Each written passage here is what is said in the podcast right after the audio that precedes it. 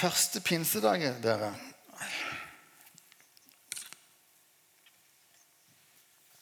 En stor festdag for oss kristne. Det er ingenting å grine for, skal jeg si dere.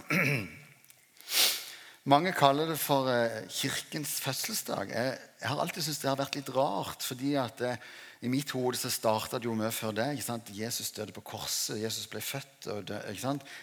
Det som på en måte betydde noe. Men for oss som menighet og for oss som kristne i dag så skjedde det allikevel noe som hadde enorme konsekvenser da, på første pinsedag eller i pinsa, og som har konsekvenser for oss i dag fortsatt. For det, som- det som var på en måte tilfellet der, det var jo at Jesus han hadde dødd på korset. Og han hadde stått opp igjen. Og så hadde han reist til himmelen. Og der, i dette vakuumet som, som eh, må ha vært på et vis når, Jesus reiste opp til himmelen, der var disiplene. De visste for så vidt På en måte så hadde jo Jesus sagt hva som skulle skje. Han hadde jo sagt at han skulle komme. Eh, eller at Den hellige ånd skulle komme. da, ikke sant? Eh, Men, men hva skjønte de egentlig? Der hadde Jesus vandra sammen med dem i tre år.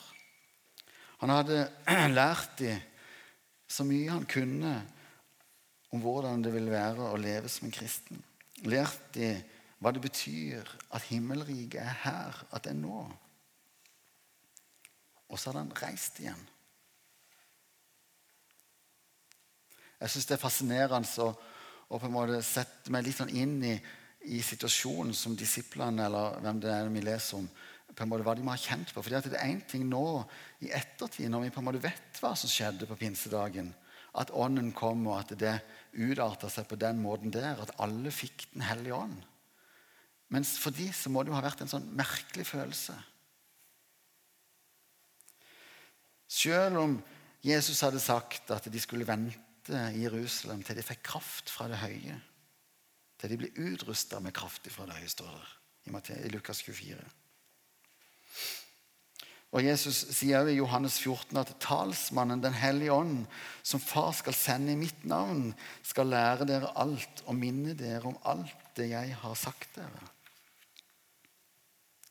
Så selv om de på en måte visste dette, hadde hørt det, så, så lurer jeg veldig på hva, hva hadde de egentlig forstått? Talsmann, Den hellige ånd og kraft fra det høye. Hva, hva på en måte tenkte de at det innebar? Og Når vi leser om det som skjedde pinsedagen, så var det egentlig ganske voldsomt. Lyden som av en kraftig vind fylte huset, rommet. Og ild kom og delte seg og satte seg som ildtunge over disiplene. Jeg husker jeg så en gang en film som, eh, som dramatiserte dette, og jeg tenkte det var da voldsomt. Eh, og så måtte jeg liksom hente fram Bibelen og så lese. Så, ja, jo, men det var egentlig det var ganske voldsomt.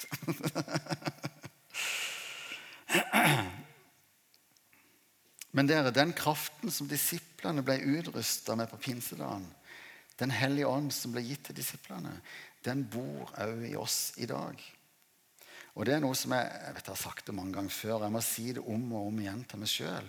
Den hellige ånd som disiplene fikk, er like reell og like kraftfull i dag som han var da. Det er ikke noen sånn eh, light-versjon eller en sånn eh, Ja. Det er ikke en sånn B-variant vi har fått. Den samme hellige ånd som disiplene fikk. Og dette feirer vi, for dette, dette gjorde jo en kjempeendring i, for oss kristne. ikke sant? Da Gud bor i oss med sin ånd. Disiplene var heldige, for de kunne vandre sammen med Jesus. Men dette var enda bedre for oss, for vi, vi har Den hellige ånd i oss.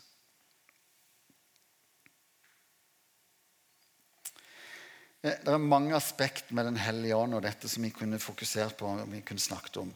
Men det som jeg har lyst til å, å på en måte dyppe, dykke litt mer inn i dag, det er fra Korinterne 12. Og vi skal lese hele kapittel Korinterne 12. For de av dere som har vekstgruppe og kom til opplegget, så var, hadde jeg lest det dere. Men det er fint. 1. Korinterne 12, vers 1-31. Ja. Når det gjelder Åndens gavesøsken, vil jeg at dere skal ha kunnskap om dem. Dere vet at da dere var hedninger, ble dere viljeløst revet med til de stumme, stumme avgudene. Derfor kunngjør jeg for dere at ingen som taler i Guds ånd, sier 'forbannet av Jesus'. Og ingen kan si 'Jesus er Herre' uten i Den hellige ånd. Det er forskjellige nådegaver, men ånden er den samme. Det er forskjellige tjenester, men Herren er den samme. Det er forskjellige kraftige virkninger, men Gud er den samme, Han som er virksom og gjør alt i alle. Hos hver enkelt gir Ånden seg til kjenne slik at det tjener til det gode. For ved én og samme ånd blir det gitt én å tale visdom, en annen å formidle kunnskap. En får ved den ene ånd en spesiell trosgave. En annen får nådegaver til å helbrede, og en får kraft til å gjøre under. En får den gave å tale profetisk, en annen å bedømme ånder. Og en får ulike slag av tungetale, og en annen kan tyde tungetalen. Alt dette gjør den ene og samme ånd, som deler ut sine gaver til hver enkelt slik han vil. Slik kroppen er én, selv om den har mange lemmer, og alle lemmene utgjør én kropp, enda de er mange. Slik er det også med Kristus. For med én ånd ble vi alle døpt til å være én kropp, enten vi er jøder eller grekere, slaver eller frie, og alle fikk vi én ånd å drikke. For kroppen består ikke av én kroppsdel, men av mange. Om når foten sier 'fordi jeg ikke er hånd, hører jeg ikke med til kroppen', så er den like fullt en del av den. Om øret sier 'fordi jeg ikke er øre, hører jeg ikke med til kroppen', så er den like fullt en del av den. Hvis hele kroppen var øye, hvor ble det da av hørselen? Og hvis det hele var hørsel, hvor ble det av luktesansen? Men nå har Gud gitt hver enkelt lem sin plass på kroppen slik han ville det. Hvis det hele var én kroppsdel, hvor ble det da av kroppen? Men nå er det mange kroppsdeler, men bare én kropp. Øyet kan ikke si til hånden 'jeg trenger deg ikke', eller hodet til føttene 'jeg har ikke bruk for dere'. Tvert imot, de delene av kroppen som synes å være svakest, nettopp de er nødvendige. De kroppsdelene som vi syns er mindre ære verdt, dem gir vi desto større ære. Og de delene vi føler skam ved, kler vi desto mer sømmelig. De andre trenger det ikke, men nå har Gud satt sammen kroppen slik at det som mangler ære, får mye ære for at det ikke skal bli splittelse i kroppen, men alle lemmene har samme omsorg for hverandre. For om ett lem lider, lider alle de andre med. Og om ett lem blir hedret, gleder alle de andre seg. Dere er Kristi kropp, og hver av dere ett lem på ham.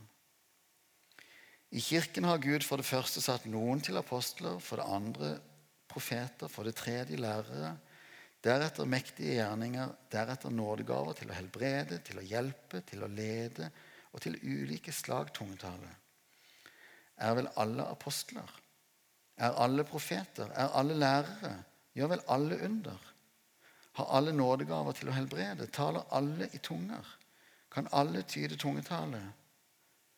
Men vær ivrig etter å få de største nådegavene.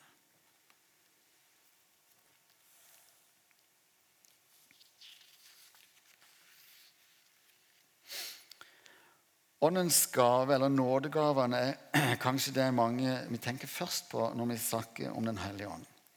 Og når vi ser på pinsedagen, så var det noe av det mest synlige av det som skjedde. De talte i tunge. Det vil si, ikke bare vanlig tungetall, sånn som vi av og til erfarer det her. Kanskje var det like mye et taleunder. For de talte på alle mulige kjente språk som var der til stede. Pinse var en stor høytid i Israel. Jødene feirer fortsatt pinse. Og en, en av de store, fem store høytidene som jødene feirer, de kaller det shavut, eller ukesfesten. Opprinnelig så var det en fest eh, hvor de feira førstegrøten av hvedehøsten. Men etter hvert så ble det mer en fest hvor de feira loven og profetene som de hadde fått. Jerusalem var full av folk fordi at de samla seg i tempelet. De seg, de reiste inn til Jerusalem for å feire pinse. Og plutselig så hører de evangeliet forkynt på sitt eget språk. Men tungetalen det er jo bare én av nådegavene som vi har fått. Eh, og i dette som vi just leste nå, så er det jo mange eh, nådegaver som blir nevnt. Forskjellige slag tungetale, både til egen oppbyggelse og til òg den som skal fram i forsamlinga. Og òg den gaven å tyde tungetalen, sånn at det blir til oppbyggelse for alle som hører. Og så nevner de gave til å tale visdom, gave til å tale kunnskap. Noen får en spesiell trosgave, en annen gave til å helbrede. En får kraft til å gjøre under, en får gave til å tale profetisk. En annen får gave til å bedømme ånder. Det er den første rekka som nevnes. Og så er det òg forskjellige andre nådegaver. Eh, som også, en del av de har kanskje et mer sånn praktisk uttrykk. F.eks. de som går på omsorg og barmhjertighet. Gjestfrihet, diakonale oppgaver, musikk. Masse forskjellig. Ofte kan det være vanskelig å skille mellom nådegave og naturgave. Eh, men òg fordi at ofte så flettes de inn i hverandre. Eh, nå skal ikke jeg gå inn på dette med de forskjellige nådegavene egentlig i dag, for det tror jeg egentlig må være et eget tema. Men jeg tenker at det er så viktig at vi eh, bevisstgjør oss sjøl på hva som, er, hva som, er, min nådegave, eller mine nådegaver. Eh, fordi at, eh, at, Gud har gitt oss alle gaver. Og jeg tenker at vi trenger å bevisstgjøre oss sjøl og hverandre på det, sånn at vi får frimodighet til å bruke dem. Fordi at de er en viktig funksjon inn i fellesskapet. Prøv dere gjerne fram. Snakk om de vekstgruppene. Eh, ta gjerne en runde på, på, hva dere tror at det kanskje er min nådegave, og, og, hva på en måte jeg tror kanskje kan være din nådegave. Av og til kan det være godt med, med bekreftelse fra andre fordi at vi syns det er litt sånn vanskelig.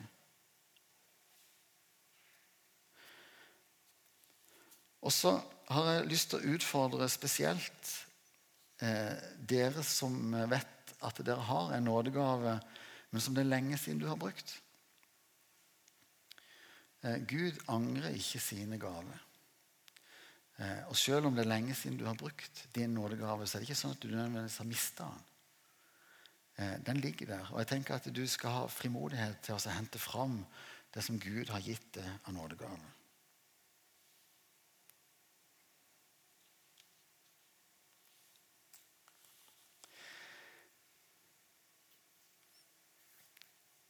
Så det er som nådegavene det er på en måte det ene som vi tenker på, på, ut fra denne her teksten. Det andre som jeg på en måte har lyst til å trekke fram fra den teksten, det er at vi er én kropp. Som menighet så trenger vi hverandre. Ingen er viktigere enn andre. Noen er riktignok mer synlige enn andre. Noen gjør litt mer av seg. Men det betyr ikke nødvendigvis at de er noe mer viktig enn andre. Vi trenger hverandre. Foten kan ikke si til hånda at 'jeg trenger deg ikke'. Eller foten kan heller ikke si at jeg, siden jeg ikke er hånd, så hører ikke jeg med til kroppen. Øyet kan ikke si til øret at ah, 'vi trenger ikke det'. Eller ah, 'bare fordi at du ikke ser, så er det ikke så farlig med det'. For vi trenger alle gaver. For hvis hele kroppen var øye, ja, hvordan hadde det da sett ut? Eh,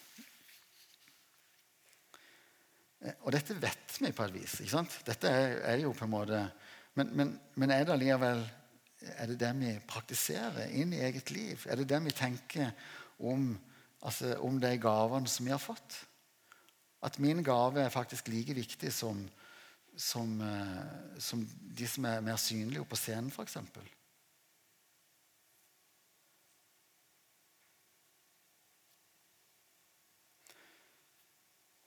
Verdsetter vi teknikeren like mye som lovsangsteamet? Eller prioriterer vi bønnearbeidet like høyt som uh, gudstjenestene? Eller hva med de som har en omsorgsgave, og som er flinke til å, å en sende en melding eller ringe noen som det er lenge siden de har sett? Ikke at du må ha en spesiell nådegave for å gjøre det, for det tror jeg at vi alle skal gjøre. Men de som har en sånn grave, som ofte kanskje ikke viser i hele tatt i menigheten. Nå skal vi ikke drive og, måle hverandre, og det er jo det som er poenget. Vi skal ikke på en måte, eh, på en måte rangere, fordi vi trenger alt. Akkurat som øyet. Eh, tenk så fantastisk øyet er, som tilpasser seg lys og avstand eh, på en bare sånn helt fantastisk måte. Det er jo et instrument som, som en fotograf bare kan drømme om å få inn i et kamera. ikke sant? Um, og så er øyet bare skapt sånn. Wow. Men, men, men øyet, hvis det var bare øyet, så var det jo litt stusslig på et vis. Uten en hjerne som kan uh, tolke alle disse signalene, alt det som øyet ser, så var det jo lite vits i det øyet, egentlig. Vi er én kropp. Og om ett lem lider, ja, så lider hele kroppen med. Jeg har strevd med ryggen siste året. Og da er det ikke sånn at, at når jeg har vondt i ryggen, så, så, kan jeg på en måte likevel gjøre alt som er annet som jeg ikke bruker ryggen til. Eh, fordi at når en såpass vesentlig del av kroppen ikke fungerer, ja, så blir en rett og slett satt ut. Selv om ryggen er på en måte veldig lite tema i en sånn ansettelsesprosess når en skal finne ny pastor. Ikke, ja, ikke? Det er på en måte ikke noe en tenker på engang. Men, men, men, men det er allikevel òg eh, faktum for oss som menighet. Hvis eh, bønnearbeidet er nedprioritert og lite, ja, så vil det òg prege gudstjenestesamlingene våre. Hvis det diakonale arbeidet ikke fungerer, ja, så vil det prege resten av menigheten vår. Og Derfor er det så utrolig viktig at vi spør Gud ok, men hva er min plass. Hva, hva er det du har gitt meg?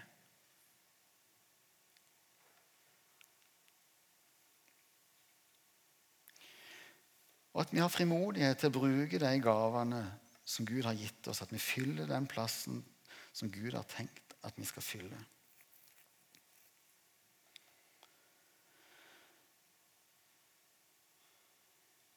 Derfor er det også viktig at vi gir hverandre den plassen, det rommet som vi trenger for å tjene Gud sånn som Gud har utrusta med. Fordi at det ser ikke likt ut. Vi, vi, vil så gjerne putte hverandre inn i en boks og tenke at det som funker for meg, det funker for det òg. Men, men, vi må gi det der rommet, sånn at vi kan leve det livet sammen med Gud som, som Gud har tenkt vi skal. I menigheten, ja men òg Jeg leser om, eh, om, eh, Samuel for tida. Og Det står om, om, Samuel helt i begynnelsen der, kapittel 2, tror jeg det var. At, men Samuel gjorde tjeneste for Herrens ansikt.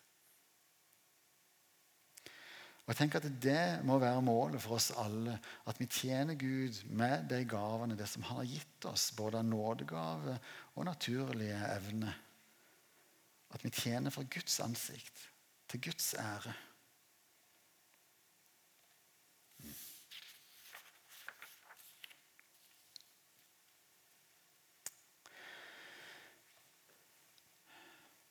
Og Så har jeg et punkt til. Det var tre punkt i dag. Og Det har samme overskrift som punkt to. Det er én kropp. Fordi vi er en kropp, og hvis Paulus sammenligner menigheten med en kropp fordi at vi er avhengige av hverandre. ikke sant? Vi utfyller hverandre, vi trenger hverandre. Men det er noe mer i akkurat dette. Og det at hele gudsrike-tanken er bygd opp om fellesskapet. Fordi at sammen så er vi noe større enn bare oss sjøl som Guds barn. Sammen så er vi Guds rike her på jord. Sammen så er vi et bilde av Jesus. Vi er Jesu kropp, står der i vers 27 som just leste. Dere er Kristi kropp, og hver av dere ett lem på ham.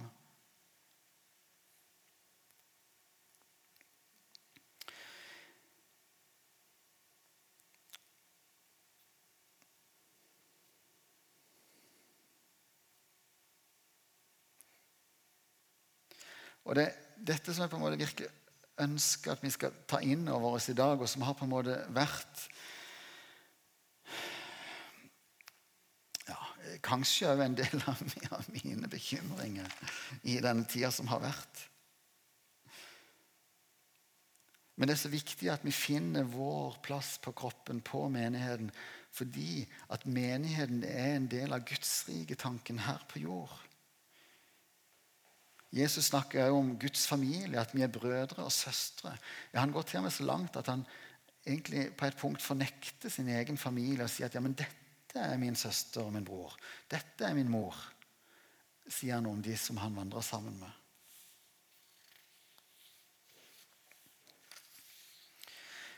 Frelsen, kristenlivet vårt, åndsfylden vår, som vi snakker om nå til pinse, det er noe som vi gjør individuelt. Bare jeg kan ta imot Jesus som Herre og Frelser i mitt liv. Og bare du kan gjøre det i ditt liv. Det er det ingen som kan gjøre for deg. Vi kan bære våre barn til dåpen. Vi kan lære dem opp i den kristne tro.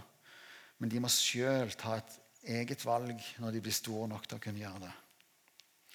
Og sånn er det med oss. Vi er sjøl ansvarlige for våre liv.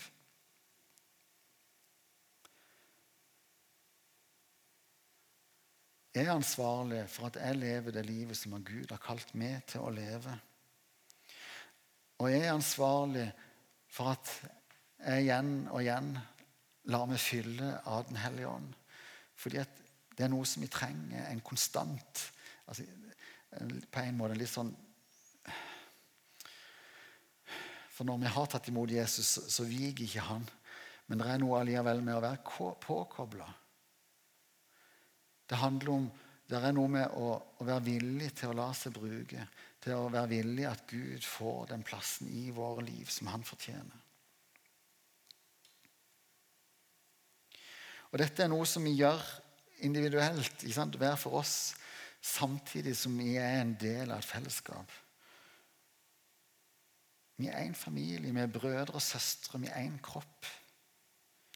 Vi har forskjellig utrustning, forskjellige gaver, men ånden er den samme. Og Hvis du ser på nådegavene som blir gitt, så ser du at de aller, aller fleste av de er gitt nettopp til å tjene andre i fellesskapene.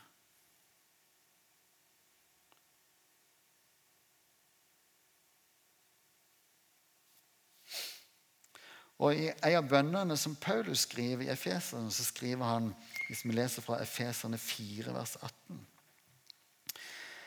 Må dere sammen med alle de hellige bli i stand til å fatte bredden og lengden, høyden og dybden, ja, kjenne Kristi kjærlighet som overgår all kunnskap.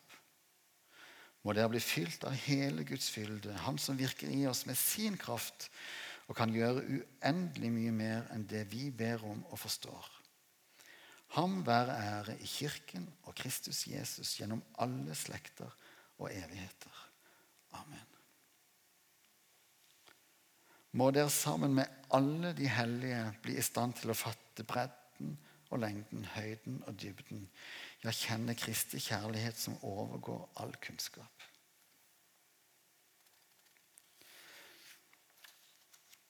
Det er helt tydelig et perspektiv her som, som Gud åpenbarer for oss som fellesskap.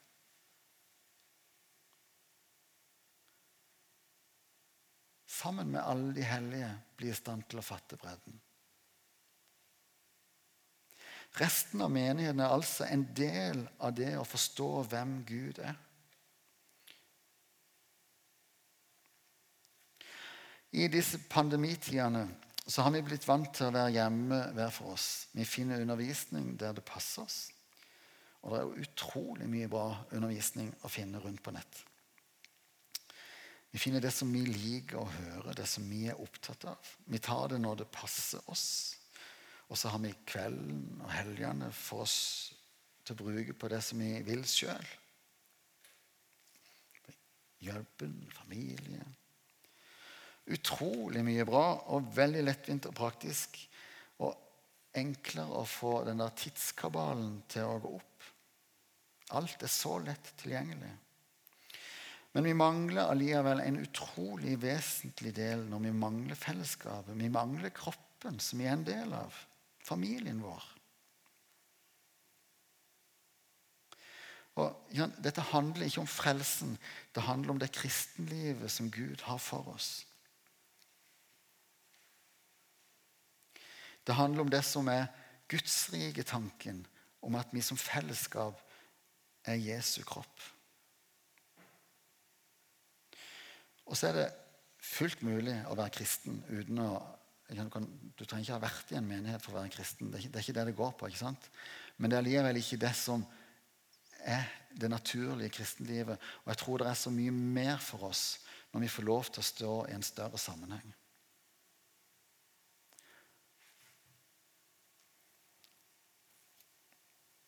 Eh, Bitten har tatt vekk løvetannen. Ja, han var vissen. For Bitten tok inn en løvetann som vi hadde på søndagsskolen her i dag. Ja, det er helt fint. og den var gul og fin og var kjempefin. ikke sant? Og så sto han her fortsatt når vi kom, og så tenkte jeg ja, det er fint. For han talte litt der han sto. Nei, men, men, de er jo mye finere. Men poenget mitt er at det, det er jo fortsatt like fullt en løvetann. Ikke sant? Men han var blitt ganske så stusslig, for det var nesten ikke noe gult igjen. Han hadde bare skrumpa inn. Men det er jo like fullt en løvetann. Og sånn tror jeg det er. Altså, ofte så har vi en sånn tendens til at vi ønsker å begrense Gud til hva som passer meg og mitt. Inn i min hverdag og inn i mitt. Og så blir vi en sånn, ah, en sånn minimumsversjon av hva det vil si å leve som en kristen.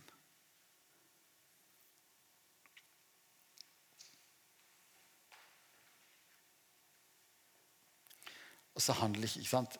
Eh, alene med Gud og alt det, det, det er kjempeflott og det er kjempeviktig.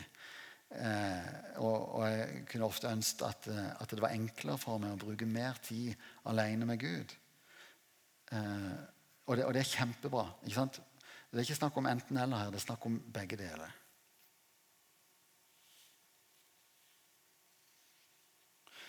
Men min store frykt er jo at vi skal lure oss til å tro at vi ikke trenger menigheten.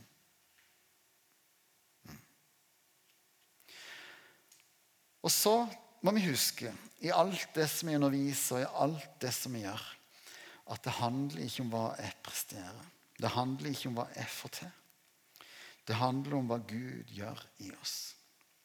Og det er nettopp det som er pinsas budskap. At Ånden bor og virker i oss. Men det er allikevel en dobbelthet i det. For det er Gud som skal gjøre det, men det er opp til meg om jeg vil la meg bruke.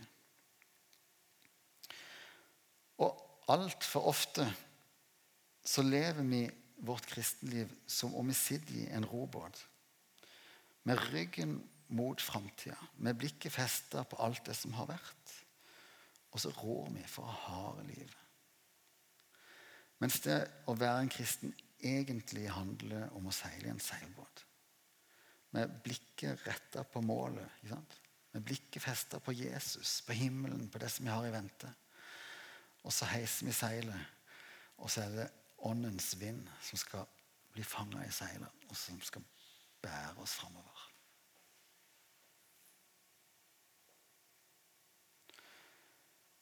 Altfor ofte så sitter vi i den robåten. Og når vinden blåser og bølgene øker, ja, så biter vi tennene sammen, og så rår vi enda kraftigere og enda hardere. Og så Jeg skal!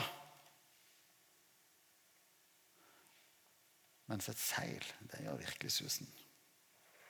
Når Den hellige ånd får dra oss framover.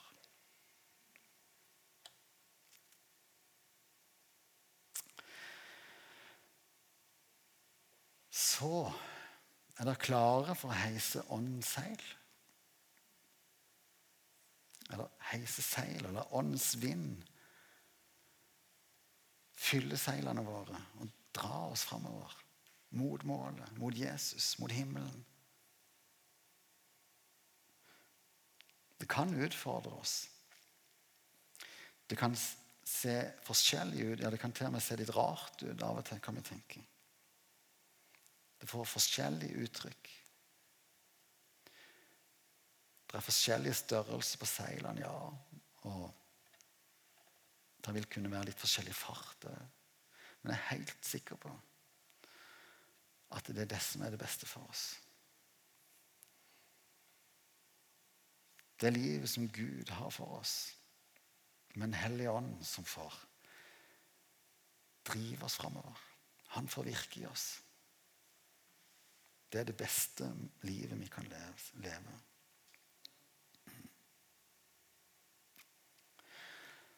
Så dere, kan vi bare sette oss tilbake? Og så skal jeg be litt, og så etterpå så kan kanskje Marit spille litt. Eh, og så vil jeg at du skal bare se for deg at du heiser seilet. Og så be Den hellige ånd vise deg hvordan dette ser ut. La han få kontrollen. Kjære Jesus, takk for at eh, du bor i oss. Takk for at det er du som virker i oss. Og bare be om at uh, vi må få se mer av det. Hvem du er, hva det betyr inni våre liv. Og hva du har for oss. La oss få fatte hele lengden og bredden og høyden og dybden av din kjærlighet. Både for oss og for våre medmennesker, for de som er rundt oss.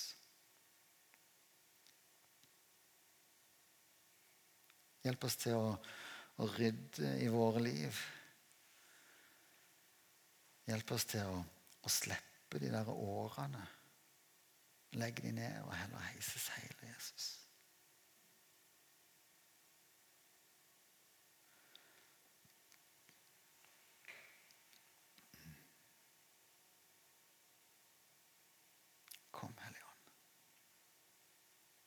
Fyll våre seil.